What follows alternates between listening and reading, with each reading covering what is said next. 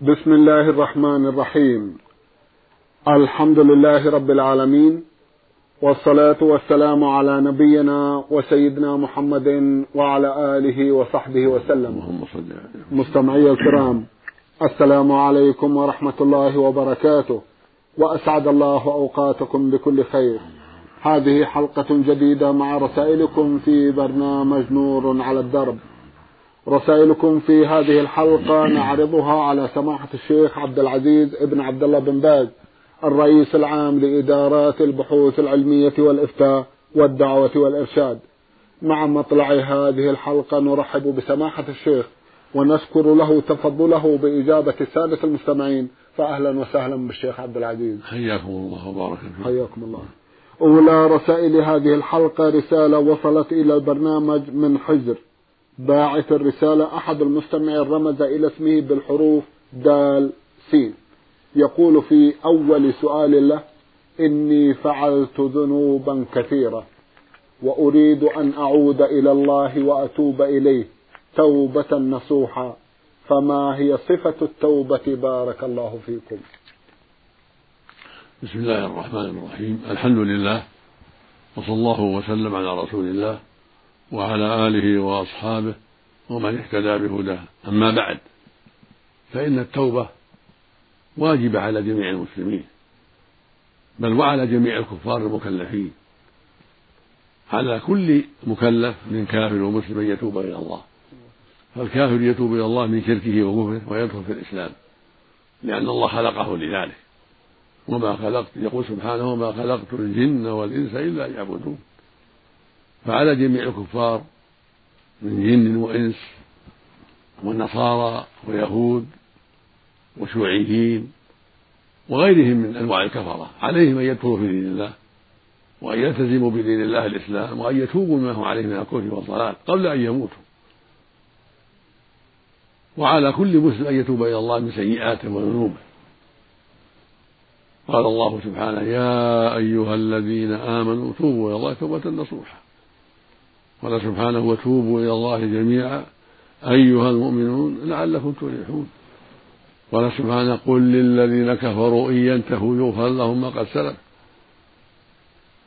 فعلى الجميع أن يتوبوا إلى الله. والله سبحانه هو الجواد الكريم. يقبل التوبة من عباده.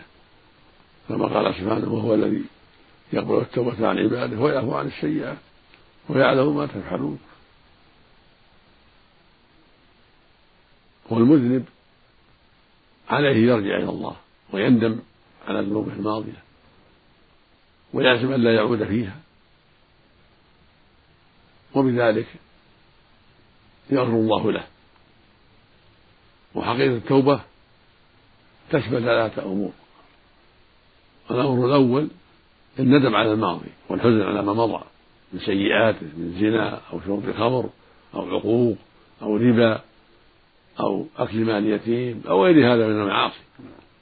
عليه أن يندم على ذلك ندما عظيما ويحزن على ما مضى منه وعليه يقلع من هذه الذنوب وعليه يتركها ويحذرها وعليه أمر, ثالث وهو العزم الصادق ألا يعود. هكذا التوبة.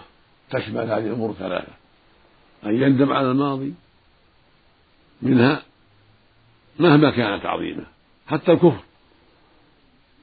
والأمر الثاني أن يقلع منها أن يحذرها. الأمر الثالث أن يعزم عزما صادقا ألا يعود فيها. وهناك شرط رابع عام لجميع الأعمال وهو النية أن تكون لله وحده أن يتوب لله وحده. لأن قال توبوا إلى الله. يقصد وجهه سبحانه رغبة فيما عنده وحذرا من عقابه ويندم على مضى ما على ما مضى ويعزم ان لا يعود ويقلع منها خوفا من الله وتعظيما له وإخلاصا له سبحانه وتعالى. وهكذا بقية العبادات كلها لابد فيها أن تكون لله من صلاة وصوم وصدقة وغير ذلك. ومن تمام التوبة ومن أسباب بقائها أن يلزم الأخيار. ويبتعد عن صفة الأشرار الذين يجرونه إلى المعاصي. فهذا من من أسباب بقاء التوبة ومن أسباب استمرارها وكمالها أن تبتعد عن جلساء السوء الذين كنت تجالسهم حتى تسلم من شرهم وأن تحرص على صحبة الأخيار حتى تستفيد منهم ويعينوك على الخير. ومن ومن أسباب تمامها وكمالها أيضا أن تزيل ما عندك من آثارها. كان آلات له تزيلها. خمر تريقه دخان تتلفه. وهكذا ما كان عندك من آثارها وبقاياها تزيله. حتى لا يجرك الشيطان إليه. تريق الخمر تتلف الدخان تزيل تكسر آلات اللهو إلى غير هذا من كل ما يجرك إلى الشر. تزيله عنك. حتى تتم لك التوبة وتبقى وتستمر. ولكنها مقبولة إذا استوفت الشروط. حتى ولو كان عندك بقايا خمر أو بقايا دخان التوبة مقبولة لكن عليك أن تحذر ما بقي عندك. عليك أن تزيله فبقاء عندك ولو بقي عندك يوم أو يوم أو بقي في يومين أو ثلاثة لا يبطل التوبة. التوبة ماشية صحيحة. إذا كنت صادقا في التوبة في ندمك وإقلاعك وعزمك ألا تعود صادقا في ذلك راغبا بما عند الله فالتوبة يمحو الله بها الذنوب. جميع الذنوب الماضية يمحو الله بهذه التوبة يمحوها الله عنك. فلا تقنط ولا تيأس. يقول الله جل وعلا قل يا عبادي الذين أسرفوا على أنفسهم لا تقنطوا من رحمة الله. إن الله يغفر الذنوب جميعا. إنه هو الغفور الرحيم سبحانه وتعالى. يعني للتائبين أجمع العلماء على على أن هذه الآية للتائبين ونهانا عن القنوط لا تقنطوا لا تيأسوا من روح الله. فالمؤمن لا ييأس ولا يقنط بل يبادر بالتوبة يحسن الظن بربه جل وعلا. ويقول النبي صلى الله عليه وسلم التائب من الذنب كمن لا ذنب له. فإذا تبت من الذنب بالندم والإقلاع والعزم لا تعود فإنه يمحى عنك. إذا فعلته لله سبحانه وتعالى.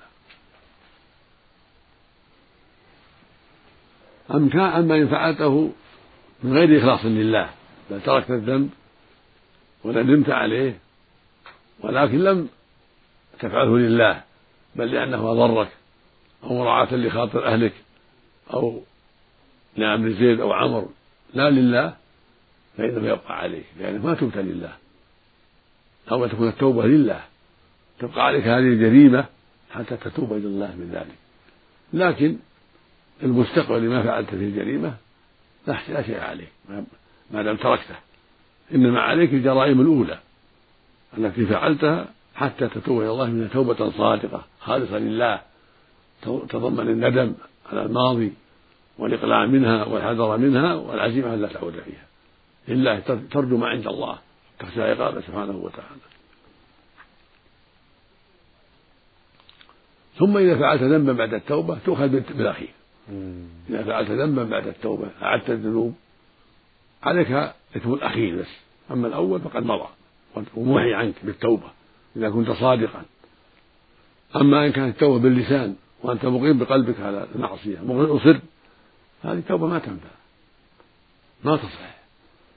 لابد من عدم الإصرار أن تتوب بقلبك وأن تدعها بجوارحك وبدنك تقلع منها وتندم عليها وتعزم ألا تعود فيها. هذه التوبة. فإذا نزغ الشيطان وعدت إليها تؤخذ بالذنب الجديد بس. الذنب الجديد إلا أن تتوب بعد. إذا تبت كذلك تاب الله عليه. وهكذا.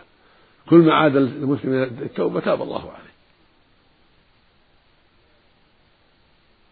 فلا يقنط ولا ييأس. والله يقول ولا تيأسوا من روح الله. ومما ينبغي للتائب أن يتبعها بالعمل الصالح والاستكثار من الخير. حتى تستقيم وتنمو تكمل يقول الله وحتى تبدل سيئات حسنات أيضا. إذا أتبعها بالعمل الصالح بدل الله الله حسنات قال تعالى لما ذكر الشرك والقتل والزنا قال بعد ذلك ومن يفعل ذلك يلقى أثاما. يضاعف له العذاب يوم القيامة. ويخلد فيه مهانا إلا من تاب وآمن وعمل عملا صالحا فأولئك يبدل الله سيئاتهم حسنات وكان الله غفورا رحيما. هذه نعمة من الله جل وعلا. أن العبد إذا تاب توبة صادقة وأتبعها بالعمل الصالح أبدل الله سيئات حسنات.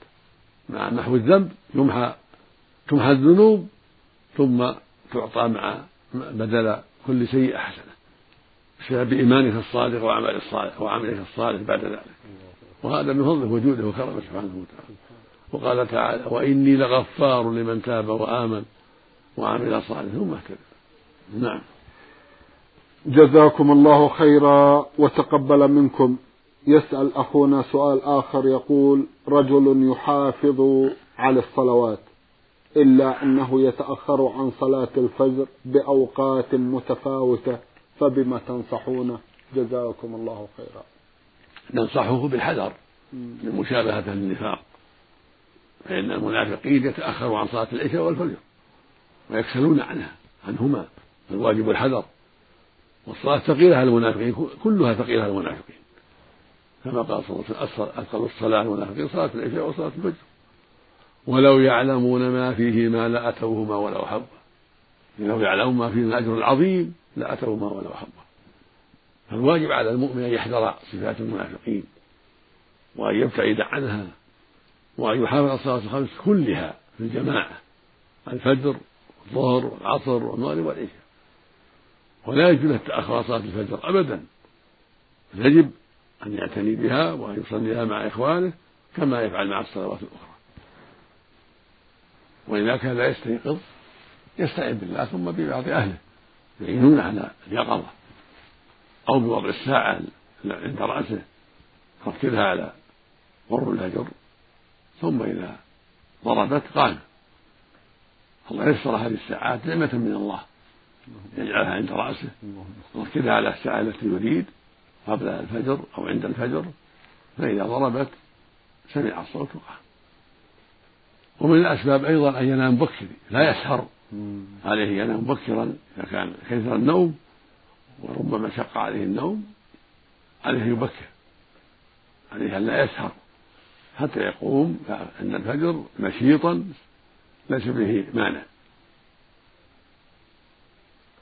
ولا يجوز له التساهل في هذا الأمر أبدا بل يجب العناية بهذا الأمر لأمور منها التبكير في النوم لا يسهر ومنها وضع ساعة تعينه على ذلك ركدها على قرب الفجر أو تكليف بعض أهله الذين يستيقظون أن يوقظوه. مع سؤال الله الإعانة على هذا الخير؟ والتوبة إليه ما سلف؟ نعم. جزاكم الله خيرا جزاكم الله خيرا. رسالة من أحد الإخوة المستمعين هو عماد الدين عبد القادر فضل الله من السودان بعث يسأل ويقول ما مدى صحة الحديث القائل لا صلاة لجار المسجد إلا في المسجد. وإن كان صحيحا فهل معناه أن الشخص الذي يجاور مسجدا لا تقبل له صلاة إلا في المسجد؟ أم ماذا؟ افتونا بارك الله فيكم. الحديث ضعيف لا صلاة جار المسجد إلا في المسجد ضعيف. ولكنه مشهور عن علي رضي الله عنه وقد ثبت عن النبي صلى الله عليه وسلم يغني عنه قد ثبت عن النبي صلى الله عليه وسلم ما يغني عنه. وهو قوله صلى الله عليه وسلم من سمع النداء فلم يأتي فلا صلاة له إلا من عذر. يعم الجار وغير الجار. ولما جاءه رجل أعمى قال يا رسول الله ليس لي غائب يقود المسجد. فهل لي من رخصة أصلي في بيتي؟ قال له صلى الله عليه وسلم هل تسمع النداء بالصلاة؟ قال نعم. قال فأجب.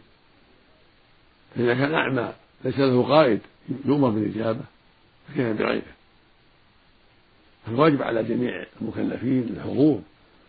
للصلاة في الجماعة وأداؤها في المسجد مع الناس ولا يجوز له التخلف عنها وجه من الوجوه. ولكن لو تخلف لكسل أو نوم صلاها. صلاها ويفوت فضل الجماعة. صلاها وتصح. تصح صلاته لكنه يأثم إذا تعمد التأخر يأثم. أما إذا كان مغلوبا على أمر بنوم أو غيره ليس ليس باختياره. فالله جل وعلا يقول فاتقوا الله ما أما إذا كان يتساهل به النوم ولا يجعل ساعة ولا من يوقظه هذا يؤخذ بذلك لأنه مفرط. فهو آثم بذلك. لكن لو جعل الساعة أو جعل من يوقظه ثم لم يسمع الساعة ولم يتيسر أن يوقظه نام الموقظ فلا حرج عليه. فقد ثبت عن النبي صلى الله عليه وسلم أنه أنه نزل ذات ليلة في السفر في آخر الليل. وأمر بلالا أن يرقب لهم الفجر حتى يوقظهم. فامتثل بلال واتكى على ناقته ينظر الصبح حتى يخبرهم إذا طلع الصبح. فأخذه النوم ونام معهم ونام مثل ما ناموا. فلم يستيقظوا إلا بعد ما مسهم حر الشمس. فلما استيقظوا قال لبلال أين أين أين كنت يا بلال؟ فقال لقد أخذ بنفسي الذي أخذ بأنفسكم. الله أكبر. فلم يعاتبه النبي صلى الله عليه وسلم. وتوضأوا وصلوا. نعم. تحولوا عن مكانهم قال إن موضع حضر فيه الشيطان ثم توضأوا وصلوا كما كانوا يصلون في وقتها. فالمقصود أن الإنسان إذا فعل الأسباب واجتهد ثم لم تنفع الأسباب فلا شيء عليه جعل الساعة ولكن ما سمعها. أمر زوجته في تقوم أو أمه أو أباه ولكن قدر أنهم تلك الليلة ما قاموا. هذا حرج. لكن بشرط أن لا يكون مصيف أما إذا كان يتعمد الصيفة فهو مفرط. المصيف يشتد به النوم ولا يستمع. ما يسمع صوت الساعة. فالحاصل لا بد من فعل الأسباب. ومنها أن يبكر بالنوم لا يسهر. المصيف معناه المتأخر المتأخر يتأخر بالنوم. نعم. نعم. فالحاصل أن إن الواجب على المؤمن أن يفعل الأسباب التي تعينه على أن يصلي مع المسلمين في الوقت. الفجر ولا الفجر. ومن ومن أشدها الفجر. وهي أشدها على المنافقين أيضا. فلا يليق بالمؤمن أن يتشبه بأعداء الله المنافقين. بل عليه أن يبكر في النوم لا يسهر حتى يستيقظ وعليه مع هذا أن يستعمل الساعة التي يركزها على الوقت وإذا كان عنده أهل جيد جيد عنده أهل يعني عندهم يقظة في آخر الليل هم ولا خالة ولا زوجة جيدة تستيقظ يؤكد عليهم يوقظونه. قد لا يسمع الساعة أيضا فيوكد عليهم حتى يوقظوه. يفعل الأسباب التي يستطيعها. والله يقول فاتقوا الله ما استطعتم. نعم. جزاكم الله خيرا. المستمع صلاح بن إبراهيم محمود مقيم في القصيم بعث يسأل ويقول ولدتني أمي وهي في عصمة أبي ثم طلقها أبي بعد ولادتي وتزوج من أمي رجل آخر ولم أبلغ آنذاك الفطام. فرضعت من أمي بعد زواجها الأخير أكثر من خمس مرات مروية ومشبعة فهل أكون بذلك ابنا لزوج أمي من الرضاعة وأخا لأبنائه؟ لا يكون لا تكون ابنا له أنت ابن زوجته ربيبه. لكن لو حملت أمك انقطع لبنها وحملت أتت بولد أو بنت وجاء لها لبن وأنت في الرضاع ما بعد فطمت تكون ولدا له إذا أرضعك بلبنه الجديد لو بطل حملت وأنت صغير ثم ولدت ودر لها لبن على الولد الأخير وأرضعك وأنت لم تبلغ الفطام ما فطمت فإنك تكون ولدا له من الرضاعة أما كونك رضعت منها من لبن الأول من لبن أبيك بعدما تزوجت لا يجعلك ولدا له لأن اللبن لبن أبيك. باقي. لكن لو حملت من الزوج الجديد ونرت لبن بعد ما وضعت الحمل وأنت لا تزال الحولين ثم أرضعك من لبن الزوج الجديد مع أخيك الجديد تكون ولدا له من الرضا نعم. جزاكم الله خيرا. المستمع ميم عين عين من شرورة بعث برسالة ضمنها ثلاثة أسئلة في سؤاله الأول يقول هل وصول الماء إلى بشرة اللحية واجب ضروري أم يكفي مرور الماء فوق الشعر؟ جزاكم الله خيرا. إذا كانت اللحية كثيفة كفى مرور الماء عليها وإن خللها فهو أفضل. خللها وعركها فهو أفضل وإلا كان النبي صلى الله عليه وسلم يمرون عليها. وربما خللها بعض الأحيان عليه الصلاة والسلام. أما إن كانت صغيرة ما تستر البشرة فإنه يعركها حتى يصل ماء البشرة. إذا كانت صغيرة ما تستر البشرة فإنه يغسل البشرة مع الشعر لأنها حين وجودها كعدمها قليلة. أما الكثيفة التي تستر البشرة لكثافتها فإنه يكفي مرور ما عليها جميعها. إذا أجرى عليها الماء كفى وإن خللها فهو أفضل. جزاكم الله خيرا. يقول أصابني مرض في عام مضى وله أكثر من أربعة أعوام في شهر رمضان. ولم أصم ذلك الشهر ولم أقضه حتى الآن. فماذا يجب علي أن أفعل؟ جزاكم الله خيرا. عليك التوبة. إذا كنت أخرت من غير عذر. عليك التوبة إلى الله سبحانه والندم على ما مضى منك من التفريط والعزم الصادق ألا تعود في مثل هذا وعليك أن تصوم وتطعم عن كل يوم مسكينا أيضا إن كنت قادرا لأنك مفرط. وقد أفتى جماعة من الصحابة على أفتى من فرط أن يطعم مسكينا مع مع القضاء. فعليك أن تقضي الأيام وعليك أن تطعم مع كل يوم مسكينا نصف صاع من التمر أو الأرز أو الحنطة كيلو ونصف كل واحد عن كل يوم. وعليك مع ذلك التوبة إلى الله عن عن تقصيرك وتأخيرك لأن واجب البدار بقضاء قبل رمضان الجديد وأنت أخرت كثيرا. فعليك التوبة إلى الله من ذلك وعليك القضاء قضاء الأيام سواء متتابعة أو مفرقة لا بأس. وعليك مع ذلك إن كنت قادر أن تطعم عن كل يوم مسكينا تجمع الطعام تعطيه بعض الفقراء بعدد الأيام. كل يوم عن صاع نصف نصف صاع. يعني كيلو ونصف عن كل يوم. تجمعها تعطيها بعض الفقراء. ولو فقيرا ولو فقيرا واحدا. أما إن كنت فقيرا ما تستطيع الطعام فإنك تصوم فقط مع التوبة ويكفي. لأن الله يقول سبحانه لا يكلف الله نفسا إلا وسعها. فاتقوا الله ما استطعتم جزاكم الله خيرا.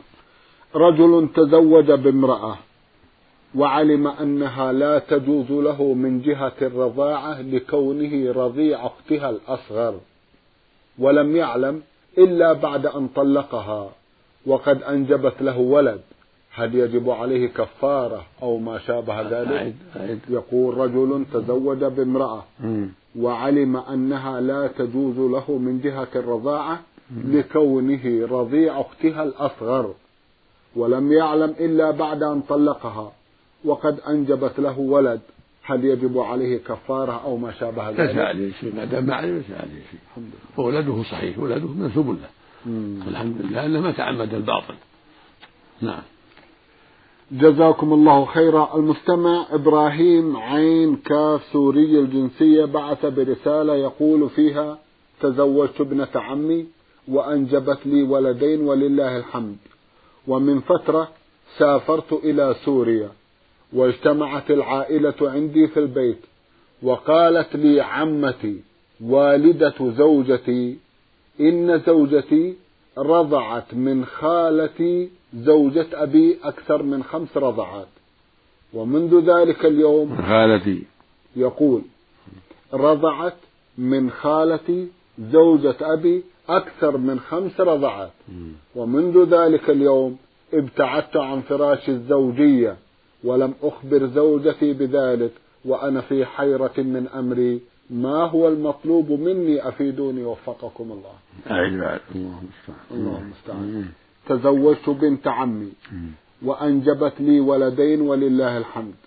ومن فترة سافرت إلى سوريا واجتمعت العائلة عندي في البيت وقالت لي عمتي والدة زوجتي. إن زوجتي رضعت من خالتي زوجة أبي أكثر من خمس رضعات. ومنذ ذلك اليوم ابتعدت عن فراش الزوجية ولم أخبر زوجتي بذلك وأنا في حيرة من أمري. ما هو المطلوب مني؟ أفيدوني وفقكم الله.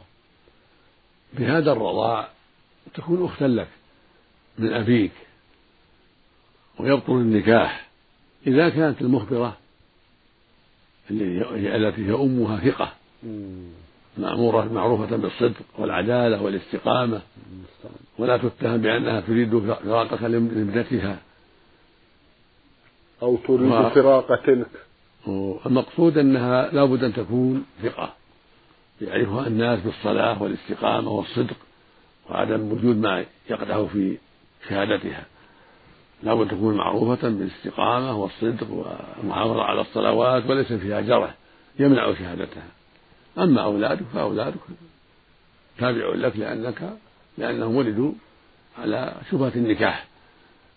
فالحاصل أن الواجب التثبت في هذا الأمر. طيب. تجتنب المرأة طيب. تثبت تسأل ولا مانع من إحضارها عند قاضي شرعي. يسألها أو عند بعض العلماء هناك. يخوفها الله ويحذرونها من التساهل ويعرفون ما لديها سؤال العارفين بها من جهة استقامتها وأنها ثقة. دينة ليست من من يعني يعبد القبور أو يسأل الأولياء والصالحين أو يتساهل بالصلاة أو ليست من المعروفين بالمعاصي الأخرى فإذا كانت ثقة ليس فيها جرح فاجتنب الزوجة حينئذ ولا أعطها طلقة صكا بطلقة حتى تعتمد على ذلك عند رغبتها في الزواج نعم. تعطيها صكا شرعي مم. هذا بعد التثبت في الأمور أيوة. تعتزلها وتبقى تسأل وتنظر في الأمر حتى تعرف ثقة والدتها وأنها لا تتهم في شيء من ذلك ويطمئن قلبك إلى فراق زوجتك بعد وجود المبررات التي لا يبقى معها شك في الشهادة وإذا كان من طريق بعض القضاة الطيبين أو العلماء المعروفين تحضرها عندهم والشهود العارفين بها حتى تكون حتى يكون الأمر عن بصيرة وعن فتوى علم فتوى أهل العلم. نعم.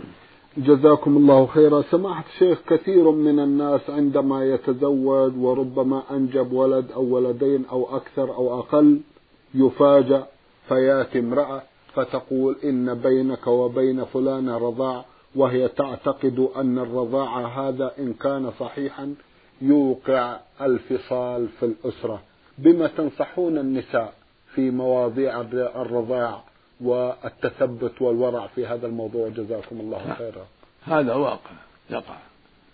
قد وقع عقبة بن الحارث في عهد النبي صلى الله عليه وسلم. تزوج امرأة ثم جاء جاءت امرأة أمه فقالت قد أرضعتكما. فذهب إلى النبي صلى الله عليه وسلم واستفتاه بذلك فقال له كيف قد قيل؟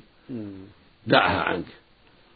فأمره عليه الصلاة والسلام بفراقها وهذا عند أهل العلم محمول على أنها ثقة المرأة وأنها أرضعتها أرضعتها خمس رضعات.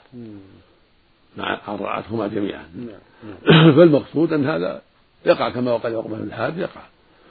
لكن الواجب تثبت في الأمور لأن المرأة قد تكون عندها يعني أسباب تحملها على الشهادة الباطلة إما لأنها بينها وبين الزوج شيء تريد أن تفرق بينه وبين ابنتها أو لأسباب أخرى تدعوها إلى الشهادة التي تفرق بينه وبين أهله أو قد تكون في نفسها لا لا تعتبر لفسقها أو كفرها.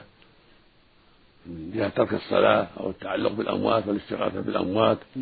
أو سب الدين أو لغير هذا من الأسباب التي تدل على عدم دينها أو ضعف دينها فلا تعتبر شهادتها. نعم. جزاكم الله خيرا. سماحة الشيخ في ختام هذا اللقاء أتوجه لكم بالشكر الجزيل بعد شكر الله سبحانه وتعالى على تفضلكم بإجابة السادة المستمعين. وآمل أن يتجدد اللقاء وأنتم على خير. نرجو ذلك مستمعي الكرام كان لقاؤنا في هذه الحلقة مع سماحة الشيخ عبد العزيز ابن عبد الله بن باز الرئيس العام لإدارات البحوث العلمية والإفتاء والدعوة والإرشاد. شكرا لسماحته. وأنتم يا مستمعي الكرام شكرا لحسن متابعتكم. وإلى الملتقى. وسلام الله عليكم ورحمته وبركاته.